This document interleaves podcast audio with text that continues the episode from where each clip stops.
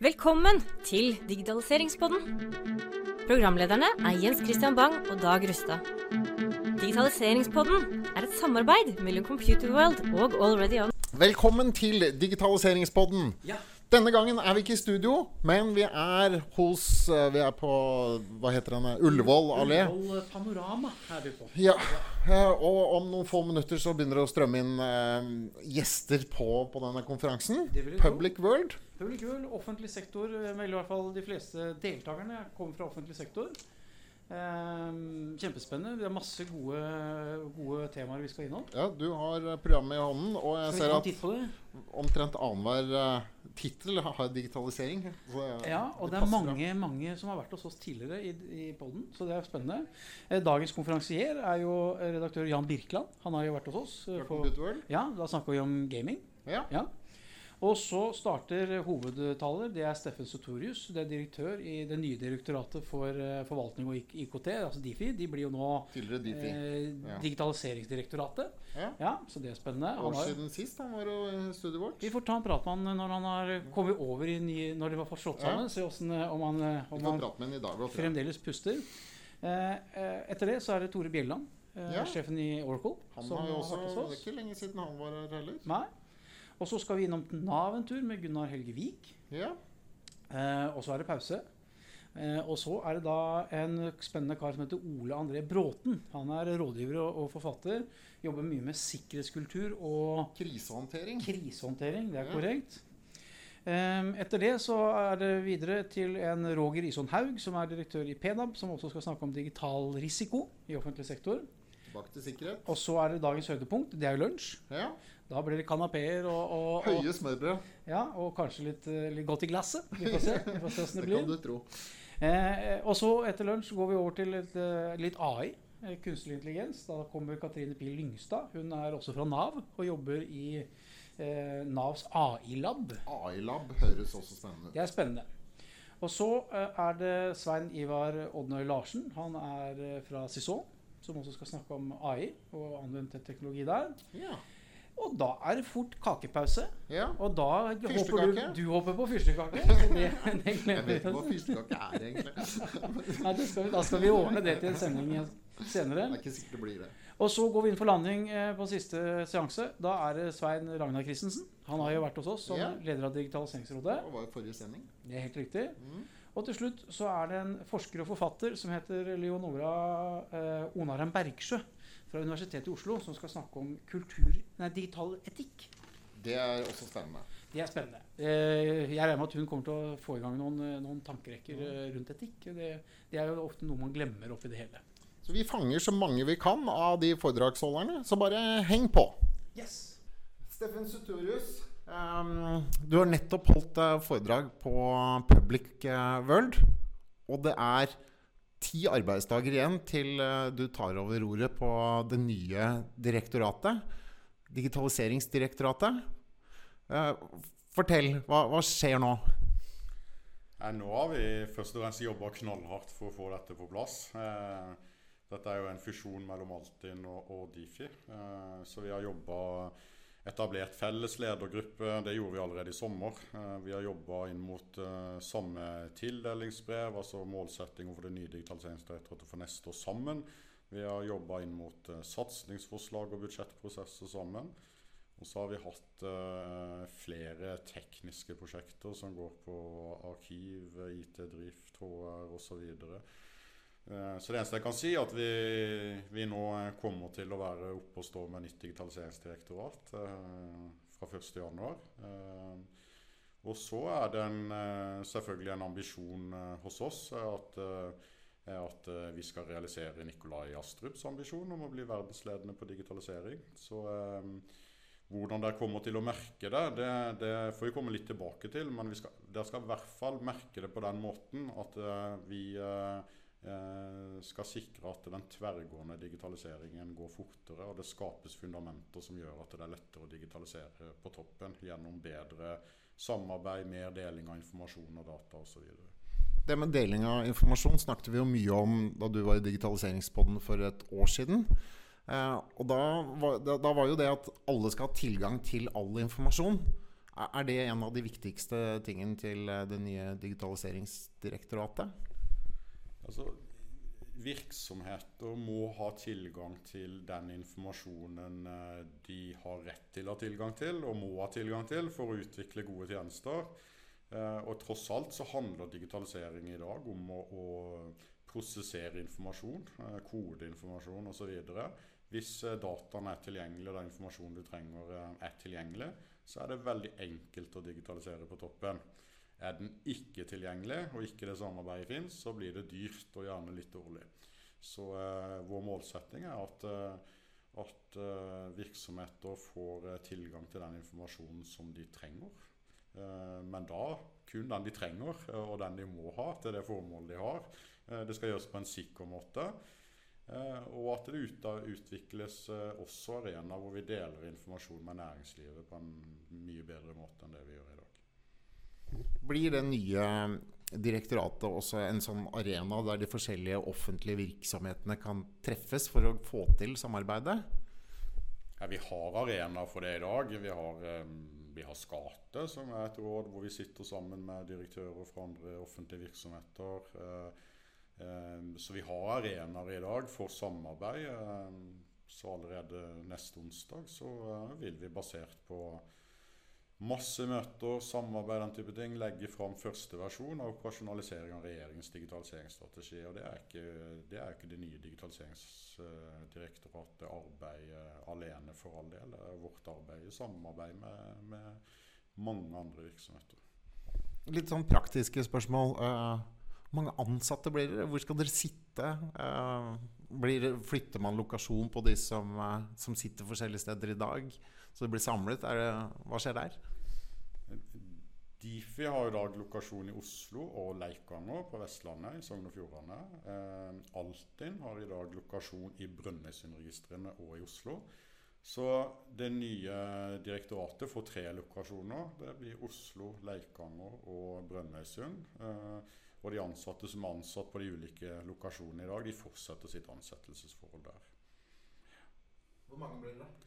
Vi blir eh, ca. 300. Vi er, en, vi er, også i en fisjonsprosess altså, eh, hvor noen avdelinger skal ut av Difi. Avdeling for ledelse, avdeling for utredning og analyse, avdeling for anskaffelser.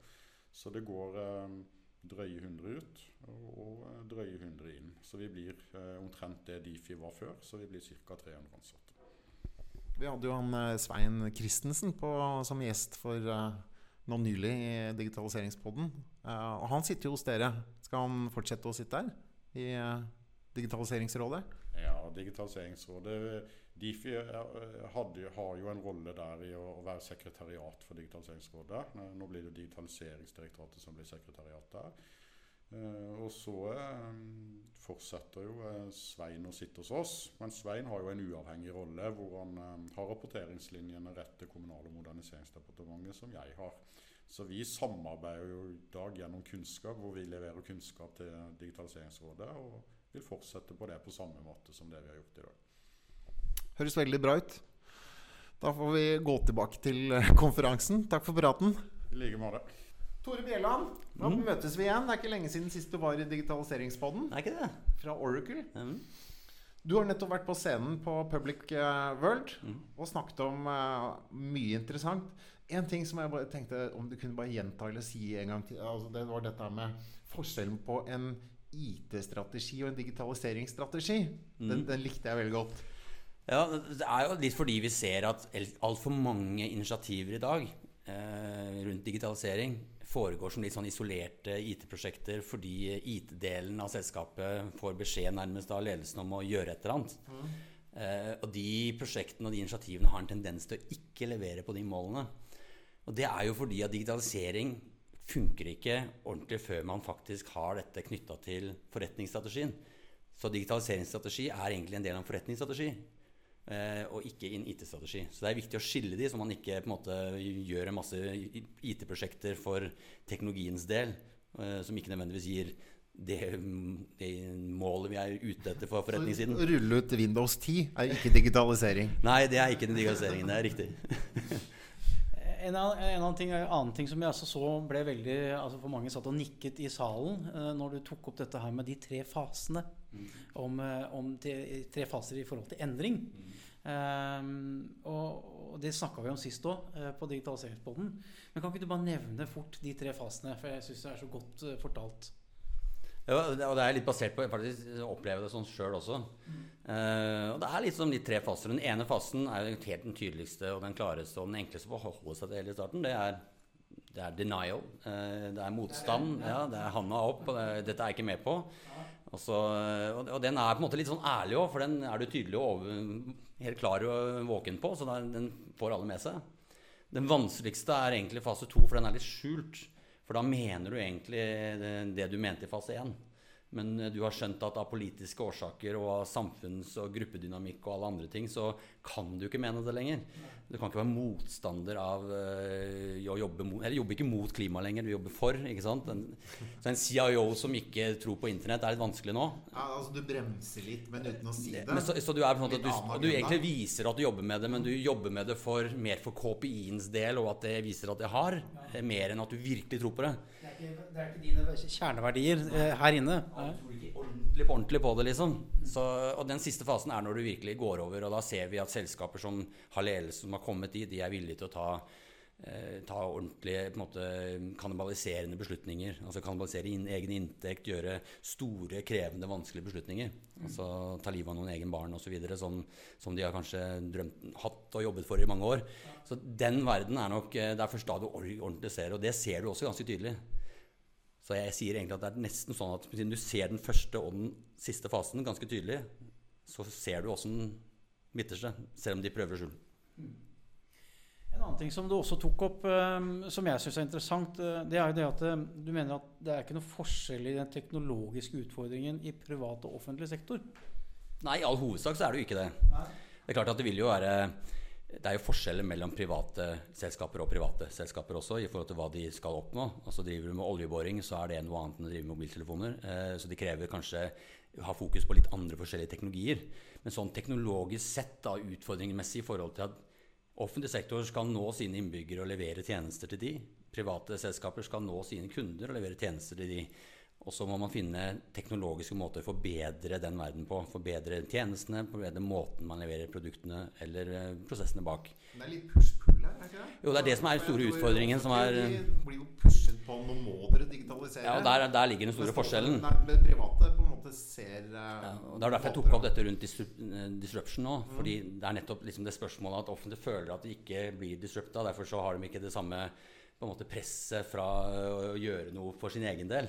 Eh, men, men, sannheten er at eh, der offentlig sektor står i dag, eh, og hvis de ser det reelle bildet av hvordan de står om, om 20 år, så må de gjøre noe. Ellers så, så, får man et veldig stort problem. Og Derfor så trenger man å løfte det, det politiske nivået for ja. å lage dette presset hardere, mm. sånn at det faktisk skjer. Men det er jo mange på politisk nivå som også ønsker å privatisere ganske mye i offentlig sektor. Så mm.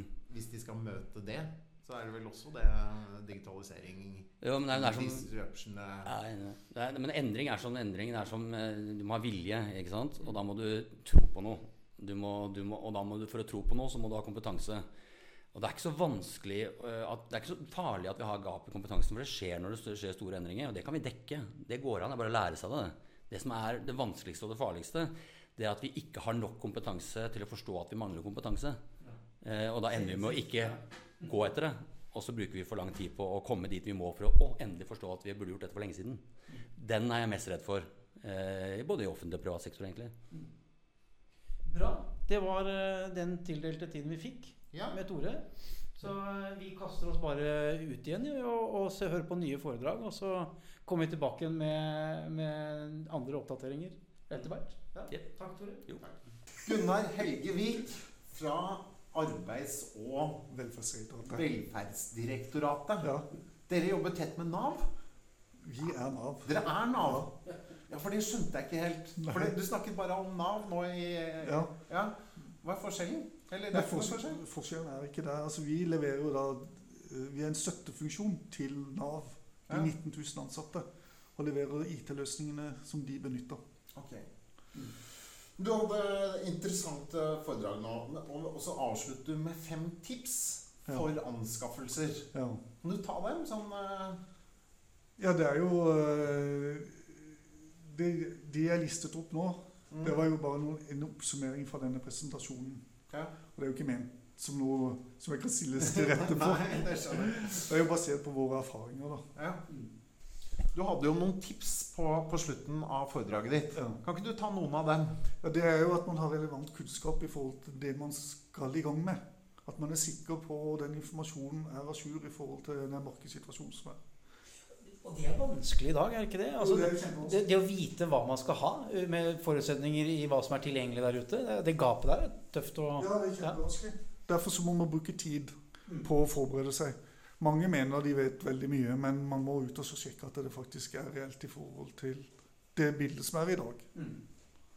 Og så er det dette med handlingsrommet. Man må forstå hvilket handlingsrom man har.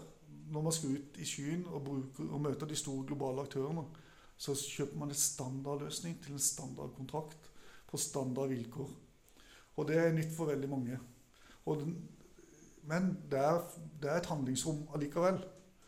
Og der mener jeg jo faktisk at Difi også har en oppgave å hjelpe til for mindre og mellomstore virksomheter. Men det med standard, det, det har jeg hørt i 20 år. Ja, Alle sier de skal ha en standard. Men alle- har sin egen. Ja, nei, men vi må jo være sånn, da. Systemet burde være sånn. Sånn det, det. må vi ha. Men det, det er jo sånn, Nav er stor i Norge, men Norge er liten i verden. Ja. Og det er et godt bilde på det, mener jeg. da. Mm. For nå, i dag i Norge, så er vi kanskje en av de fem største på enkelte områder. Mens nå er vi kanskje en av noen hundre tusen. På, på cloud så er det, det er Ja, Microsoft cloud, og ja. Amazon og Google Nettopp. og Oracle og Ja. alle disse. Er det de Ja. aktørene.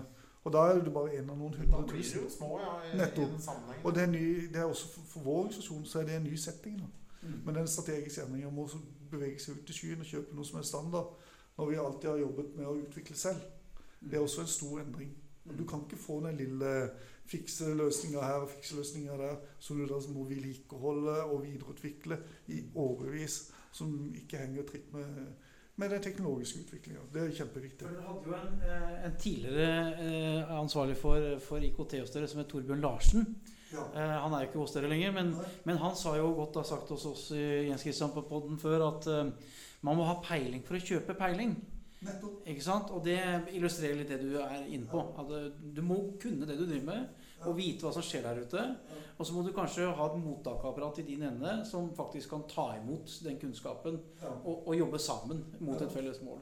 Ja, Torbjørn hadde helt rett i det, og derfor brukte vi også mye tid på det. Og han var også faktisk med å legge grunnlaget for den sourcing-strategien som, er med, som vi nå realiserer ved denne casen jeg nå snakker om. Mm. Så en annen ting når det gjennomfører forhandlinger og sånne typer anskaffelser, så er det at du må ha motiverte deltakere i teamet som klarer å beholde konfidensialiteten. Ja. Og at du har vurdert habiliteten. Sånn at det ikke er noen rollemiks her. Så det- det- svogeren kan ikke være han som er Du svoger kan ikke være med hvis svoger er der. Men det er faktisk Er viktig. det vanlig at man gjør det? Oss det. I Nav så det Ja. For det som er en av våre viktigste verdier, er å ivareta omdømmet og som en god anskaffer. Blir det svekka, får vi dårligere tilbud. Det er jeg overbevist om. Og hvem, hvis du skal motivere leverandørene til å være tilbydere hos oss, så må de ha tillit til at eh, prosessen fungerer, og at vi ivaretar likebehandling og er forberedelige. Mm. Kjempeviktig. Mm. Så også er dette her også sikre at vi har en kjøreplan som må overholdes. Det må også avklares på forhånd før du starter.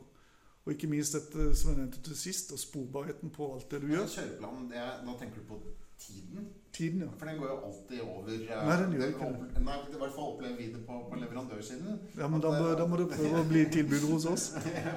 Denne her ble vi Nei, ikke hos dere, men, men eh, veldig ofte så merker man at ja, nei, det ble så mye vi fikk, så vi trenger Men som jeg sa, det offentlige er kanskje kjent for stille krav, men eh, dårlig til å innfri selv. Mm. Og da er det tidsplaner. Det har vi vært veldig strenge på hos oss. Derfor blir vi enige om før vi starter om kjøreplanen. For da kan Dere, både dere, holdt, dere holdt på tid? eh, ja, vi, vi har tre måneder kortere tid enn planlagt. Det er ikke ofte. Det er, det er kudos. Ja, det er bra. Jeg tror det er de det er, um, tipsene vi eh, Ja, den, rekker. den siste. Var det den siste? Ja, det var den siste. Det var hva heter det? Ja, må. Dokumenter hva du gjør underveis. Før protokoll, fra forhandlingsmøtene. Hvilke temaer har du tatt opp? Mm. Hva var utfordringen på det enkelte tema? Få det ned. Dokumenter. Og evaluer kun på det skriftlige materialet. Ikke ta noe du hørte over bordet og legg til grunn for en evaluering. Det blir jo at det blir tyngre å kommunisere også. Nei, det blir veldig bra, for Det da blir du det. tydelig. Ja. Da, da har du skjønt hva du sa. Ja, veldig ofte det er lett å sette seg ned og liksom diskutere seg Jo, men så var det ikke helt det du mente likevel. Nei. Derfor er skriftlighet viktig. Ja. Det er ikke liksom den sporbarheten og Ja. transparensen altså. For det vi vet, det er jo at noen lever av å gå etter sånne som- organisasjoner som oss for å finne at vi gjør en feil. Mm. Slik at uh, den tap, en som eventuelt blir avvist, kan få en ny, uh, uh, få en ny mulighet. Ja. Selvfølgelig skal vi utfordres, det er ikke noe fare med det. Og det trenger vi. Mm. For vi må også bli utfordra, og vi blir utfordra hele veien. Det kan jeg love deg. Mm. Ja, det Også i denne casen her ble vi utfordra fra veldig mange områder. Både på gjennomføring og kon kontraktuelle forhold. Mm. Så det tåler vi. Og det, det, og det forventer vi. Ja, ja, ja. Da tror jeg vi får ta og, og takke for uh, ja, For nå skal vi ut igjen og høre på, på neste. Takk skal du ha. Takk for praten. Nå har vi eh, truffet en av gjestene som, eh, som er her. Det er Jo Kraner fra Norges, eller Norsk, eh, Sykepleierforbund. Ja. Takk, så ikke jeg sier det gærent. Og, og det som er litt eh, Det vi skal snakke med deg om, det er jo litt den der uh, vinklingen med hvordan medlemmene i Sykepleierforbundet uh, ivaretas med digitalisering. Kan ikke du si litt om den jobben du, er, du har hos eh, Sykepleierforbundet? Ja. Eh, jeg jobber da i fag- og helsepolitisk avdeling i Norsk Sykepleierforbund. Eh, vi har eh, som hovedfokus to grupper. Da. Vi har eh, våre medlemmer, sykepleierne. Men vi har også eh, pasientene, pårørende, brukerne av helsetjenester som et vesentlig aspekt ved, vår, eh, eh, ved det vi driver med. Og vi utformer politikk eh, på vegne av våre medlemmer, men vi utformer også helse- og samfunnspolitikk. Vi har også ganske klare, eh, klare perspektiver på hvordan helsetjenesten skal utvikle seg i framtida, til beste for pasienter og for pårørende, og for befolkningen generelt. Og vi har perspektivene følger også i å, eh, som det står i vår formålsparagraf, å, å tilpasse tjenesten til befolkningens behov for helsetjenester. Så det, det, er, det er vårt utgangspunkt for å ha et fokus på dette med digitalisering, dette med fremtidens helse- og omsorgstjenester. Det som er viktig å understreke, er at teknologi, eh, digitaliseringsløsninger, det er ikke målet. Det er et virkemiddel for, etter vår, vårt syn, å få bedre tjenester, best mulige tjenester til befolkningen. Det er vårt utgangspunkt. Eh, Dag og jeg vi har sikkert en tendens til å, å på en måte applaudere digitalisering i seg selv, for det, vi brenner jo for, for det. Men du sier jo at det er ikke alltid at digitalisering er bra for f.eks. medlemmene deres. Det som er vårt utgangspunkt, er veldig mye av debatten foregår på et metaperspektiv. Eh, digitaliseringen kommer. Nå gjelder det å henge i stroppen. For nå, eh, og der, der kommer alt dette med, eh, med perspektiver på, på eh, hva som skjer i fremtidas arbeidsliv, altså på, på samfunnspolitisk nivå. Og, og selvfølgelig da også hva som skjer i helsetjenesten. Der er det en rekke andre utfordringer som vi forholder oss til. Altså dette med demografi, dette med at vi blir stadig eldre, som det har jo vært eh, tatt opp som problemstilling her. Eh, dette med at eh, vi, eh, vi, eh, vi får nye arbeidsmetoder som følge av teknologien bl.a. Men også som følge av kunnskapsutviklingen. Altså kunnskap utvikler seg, og måten å, å skaffe og bruke kunnskap innenfor helsetjenesten utvikler seg hele tiden. Og det er det som er eh, vårt utgangspunkt og vår innfallsport til dette her. Som sagt, teknologien er et ekstremt viktig eh, hjelpemiddel. 85 av våre medlemmer sier at teknologi og teknologiutvikling vil være en svært viktig del av helse- og omsorgstjenesten i framtida. Så vi er krystallklare teknologioptimister. Men Ikke sant? Ja. det er noen forutsetninger. De viktigste forutsetningene det er de etiske refleksjonene rundt bruk av teknologiske løsninger der ute. Hva tenker du på da? Da tenker vi på at, uh, at f.eks. For, for noen år siden så sto det et oppslag i VG eh, som sikkert feilsitert, sånn som det ofte er, men likevel at eh, nå har GPS-senderne, sporingsteknologien, kommet. Så nå løser vi demensproblematikken. Nå maler jeg med veldig grov pensel, men likevel. Altså, eh, det er faktisk enkeltpasienter der ute som er avhengig av helsetjenester. Noen eh, typer teknologi egner seg for noen pasienter.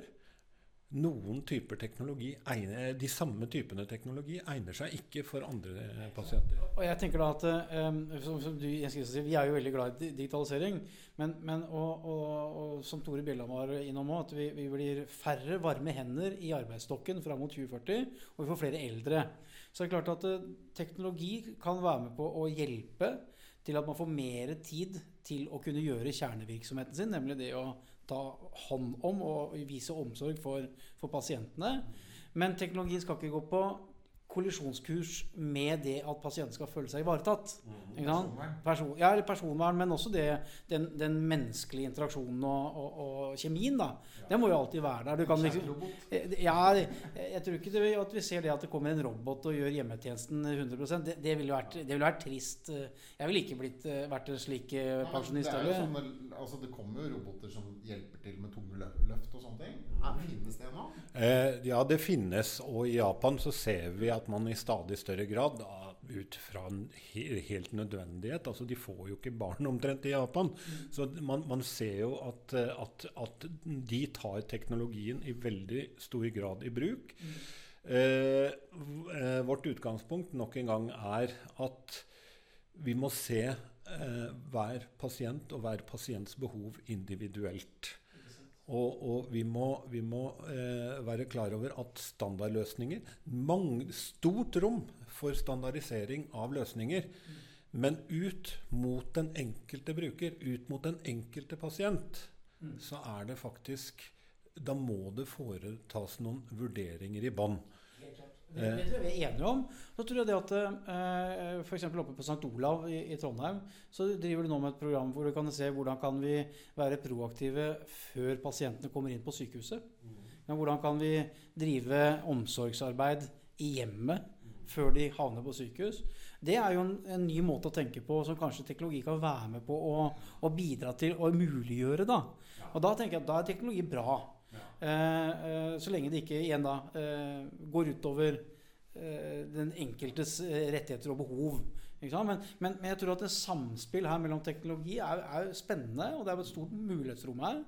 Men, men, det er som du sier, det er, det er viktig å ha slike, slike, punkter som du setter på agendaen der. At man må ha, ha det som bakteppe. Ja. Vi kan ikke sette en GPS-sender på alle over 70, og så har vi løst det eldreproblemet. Det ville innebåret en del etiske utfordringer.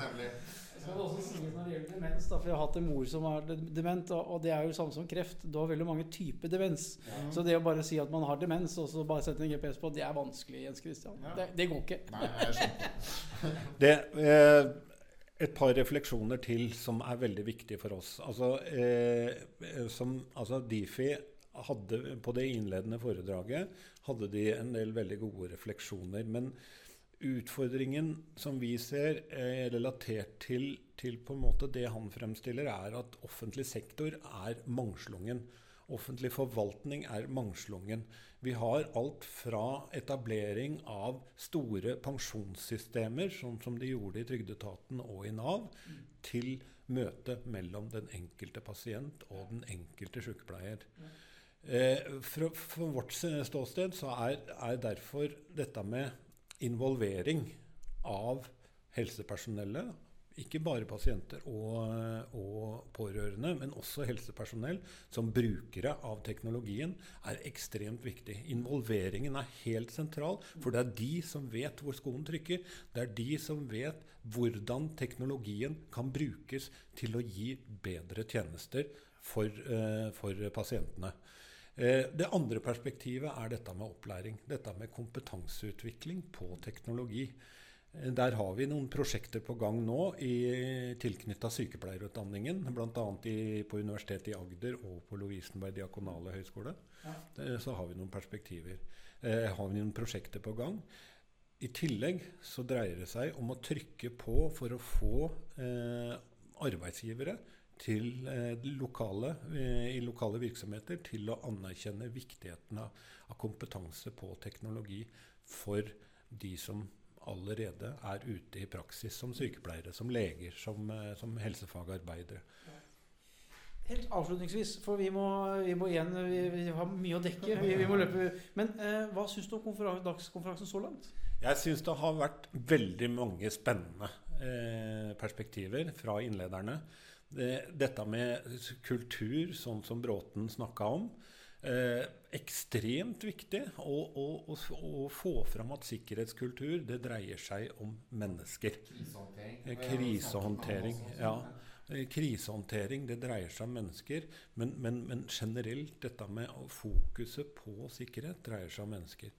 Eh, også de refleksjonene som han fra, eh, fra han som kom etterpå fra Pedam, ja. Eh, han hadde også veldig mange spennende refleksjoner omkring eh, de problemstillingene der. Mm.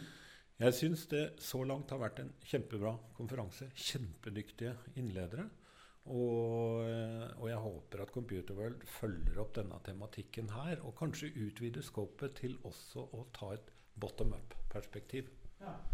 Jo, Kraner, takk for at du eh, ble med i eh, studio. Ja. Katrine Pil Lyngstad, vi har nettopp hørt foredraget ditt. Du er leder av AI-lab i Nav. Det høres jo dødskult ut. Ja, det er det jo.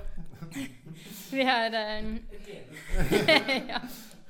Uh, Kunstig intelligens, uh, AI, er jo noe som er på alles lepper, og noe som alle er interessert i. Uh, og så er det et fagområde som jeg alltid har elsket, som jeg egentlig jobbet med i mange mange år. Allerede før det ble kalt kunstig intelligens. Så, sånn sett så er det gøy både fordi at det er mye fokus på det, og fordi at jeg syns det er et veldig spennende fagområde. Du spurte jo sånn innledningsvis, så sa du um, hvor mange kan forklare hva AI er, eller kunstig intelligens er, med to setninger. Det kom ingen hender opp. Nå skal du få sjansen. To setninger. Nei, du kan få så mange setninger du vil. Hva er AI? Ja, for det første så må jeg da si at uh, Når du spør folk flest, så vil mange tenke at kunstig intelligens er uh, noe som man syns er imponerende at en maskin kan gjøre. Det er det de fleste tenker. Og mm, sånn som EUs ekspertgruppe på kunstig intelligens sier, at man bør egentlig skille kunstig intelligente systemer og kunstig intelligens som en fagdisiplin. For det folk flest tenker på som kunstig intelligens, vil fagfolk typisk data scientists si at nei, det er ikke egentlig kunstig intelligens. Så da er det for dem så er det, skal det være noe maskinlæring eller noe optimering, noe mer matematiske modeller osv. som ligger bak. Mm.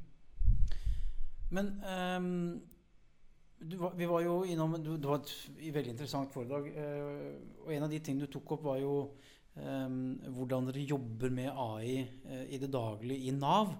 Kan du fortelle litt om hvordan dere har organisert det, og, og, og hvordan dere tilnærmer dere eh, liksom ønsket oppnåelse med AI? Ja, absolutt. For det første så er det jo noe med at uh, teknologien løser ingenting alene. Og vi ønsker ikke å være rent teknologi- eller metodedrevet. Så det er veldig viktig for oss at vi Ja, vi, ja, altså, vi, vi, er inspirert av Spotify, for vi ser også hva de klarer å få til. Så det er klart at vi har jo også noen formeninger og tro på noen områder eller typer anvendelser som det er vi som kan kunstig intelligens eller data science, maskinlæring, som forstår best, og si at jo, vi tror det kan brukes til personalisering i større grad, og til å drive mer effektivisering av eh, prosessene våre, mer effektiv ruting av saker osv. Så, videre. så vi kan klare å se en del type anvendelsesområder. Men hvor det gir mest mening å løse det, og hvor man faktisk har si, finansieringen og villigheten til å gjøre det, det er det jo ikke vi som bestemmer. Derfor er det veldig viktig for oss både å snakke med og få økt bevisstheten i hele virksomheten, i de som sitter på beslutningene, som sitter og utvikler produktene, som utvikler tjenestene.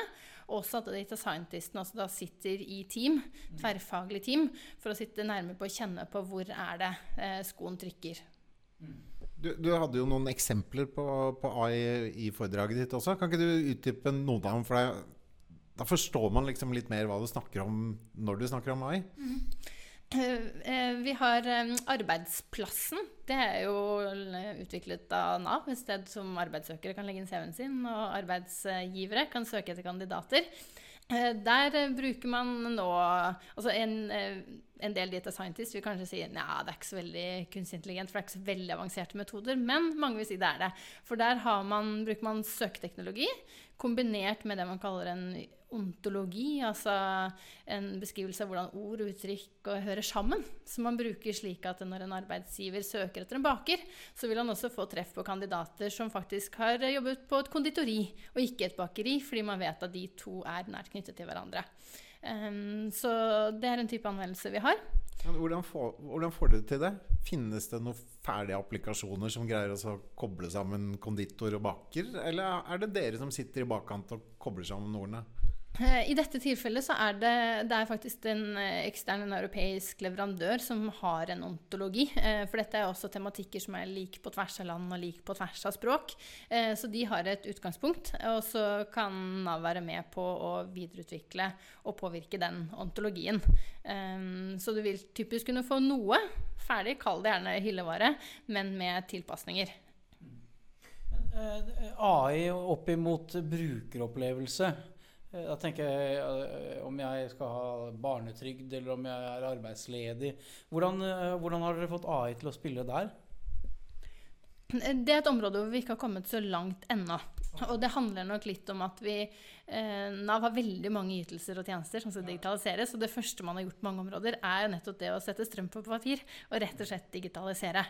Eh, så på veldig mange ytelser og områder i grensesnittene så må man komme dit at vi må i hvert fall ha et sted hvor brukeren kan finne informasjon om ytelsen og legge inn informasjonen sin, få rask informasjon eh, og egentlig løse minimumsbehovene.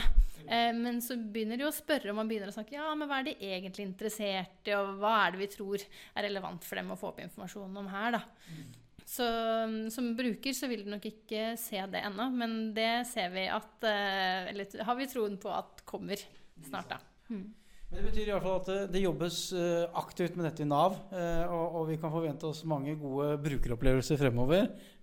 Og ja, som du sier, strøm på papir. Dere har noe arkiv som skal digitaliseres også, hvis jeg ikke husker helt feil.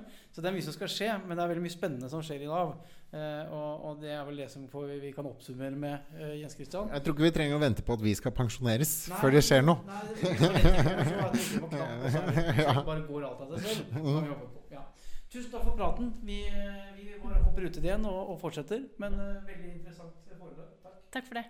Leonora Omarheim Bergsjø, du er forfatter, forsker og um, har snakket nå på Public World. Um, og du hadde en, en, et innlegg som het 'Digital etikk'. Det er spennende. Hva er digital etikk? Digital etikk det handler om å vurdere den nye teknologien som kommer til enhver tid, og hvilken samfunnsmessige påvirkning den kan ha. Sånn at vi kan forstå bedre hvordan den kan og bør brukes. Og jeg pleier å si at den digitale etikken den eh, leder frem til gode avgjørelser i forhold til de nye implementeringene som vi skal ha av ny teknologi. Så det er ikke noen bremsekloss på, på digitaliseringen? Hvis det bremser, så er det en grunn til det. Jeg pleier å si at det er mange forskjellige typer feil man kan ha. Altså, Som innovatører så prøver man jo å skape et eller annet helt fantastisk. Man prøver å få en, en fly til å ta av, ikke sant, f.eks. Og hvis feilen er at flyet ikke tar av, så er det helt ok. Men hvis feilen er at flyet tar av og faller ned, da er det ikke ok. Mm. Så den digitale etikken handler om å oppdage feil i tide.